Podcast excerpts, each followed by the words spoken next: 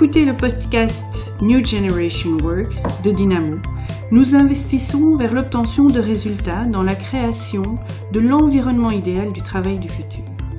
Dans ce podcast, on approfondit le contenu des thèmes, on aborde des modèles concrets et on donne également des exemples pratiques. Nous pensons que, que cela s'écrit par petites étapes.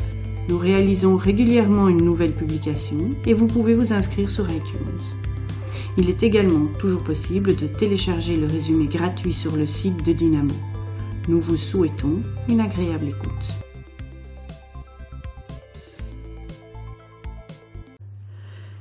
Dans le podcast New Generation Work, nous allons voir ensemble comment amener les personnes vers un travail qui leur donne de l'énergie. On pense tout de suite alors à trouver des solutions pour se débarrasser de ce qui déplaît et retrouver davantage d'aspects qui plaisent. Ce ne sera pas le sujet de ce podcast. Aujourd'hui, nous parlerons plus précisément de team crafting, comment interagir avec les collègues pour répartir ou redistribuer le travail de manière à ce que chacun se sente mieux.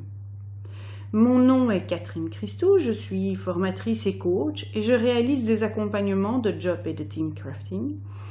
Je suis ici aujourd'hui avec Thérèse Pirlet. Thérèse est formatrice, senior consultant et également accompagnatrice en job et en team crafting. Thérèse travaille pour Dynamo. Bonjour Thérèse. Bonjour Catherine.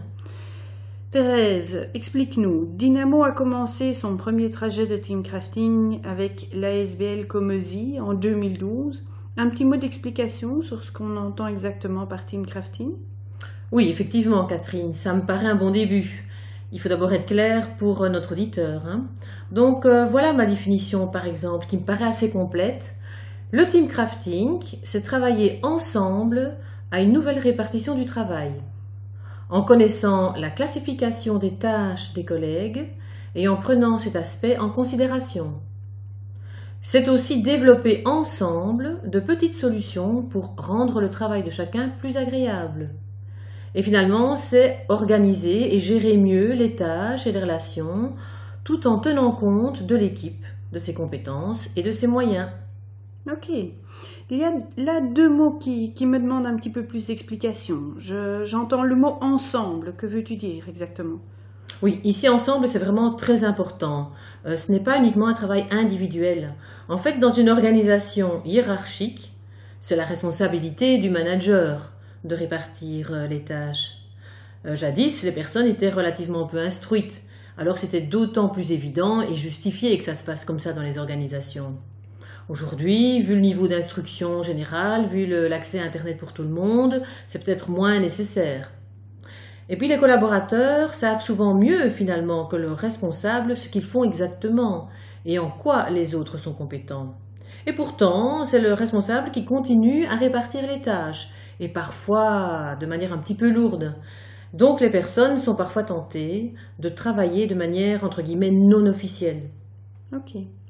J'ai aussi entendu le mot classification. Qu'entends-tu par là? Eh bien, on a tendance à gérer la complexité en rendant les choses plus gérables. Et pour répondre aux demandes de gestion de carrière, on a réalisé des descriptions de fonctions basées sur des compétences. Ensuite, on y a ajouté des talents. Mais le talent, en réalité, ce n'est pas un nouveau concept.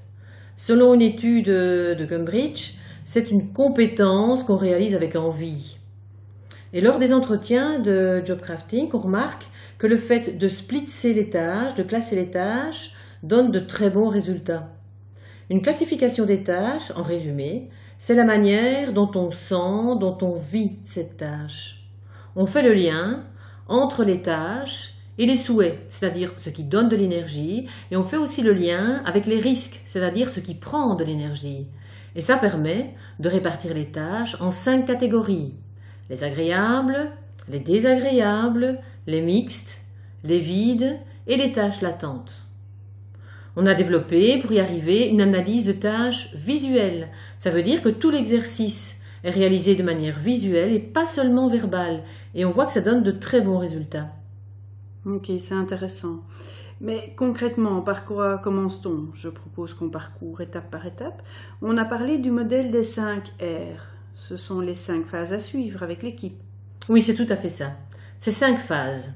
Et donc, les 5 phases sont les suivantes. C'est d'abord réglementer, et puis représenter, raconter, renouveler, et enfin, c'est réaliser. Bien, commençons par la première étape, alors réglementer. Oui, réglementer, c'est vraiment déterminer les règles du jeu de départ. C'est prendre des accords qui conviennent à tout le monde, savoir pourquoi et surtout savoir aussi comment on va agir. Sur quoi on va pouvoir travailler ou pas, parce que par exemple, ce n'est pas légal, donc on ne va pas travailler dessus. Un autre aspect, c'est que le manager va accepter de relâcher un peu le contrôle pour stimuler la responsabilité de ses collaborateurs. Et ces accords de départ sont très importants dans le cadre d'un travail de team crafting. Bien. J'imagine effectivement la confiance est importante. L'étape suivante, représenter Oui, ça c'est la deuxième étape. Et donc l'idée ici, c'est de voir quel est le futur idéal qui est souhaité par l'équipe. Quels sont la vision de l'équipe, ses objectifs, son rêve?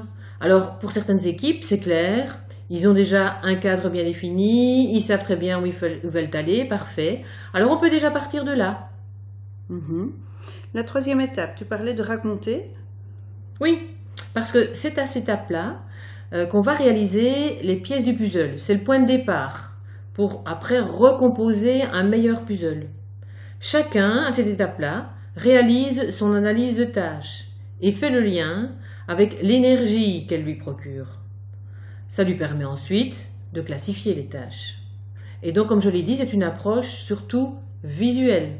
Ça permet d'identifier très vite si une tâche est perçue comme agréable ou désagréable. On détaillera plus loin dans le podcast suivant euh, qui parle d'amélioration du travail via le job crafting et le scan d'attitude. Bien. L'avant-dernière étape, renouveler. Nous avons notre puzzle et puis quoi? Eh bien, c'est là qu'on recompose un beau puzzle. Et finalement, c'est ça le team crafting. Finalement, les étapes précédentes, c'était la préparation nécessaire pour que cette phase-là se déroule bien. Et donc, dans cette étape, les participants présentent les uns aux autres leur classification de tâches. Et alors on les examine progressivement à l'aide d'un facilitateur. Et puis on voit comment se répartir le travail de manière à ce que ça fonctionne bien pour tout le monde. Parfait, parfait. Dernière étape, alors passons à l'action, réaliser.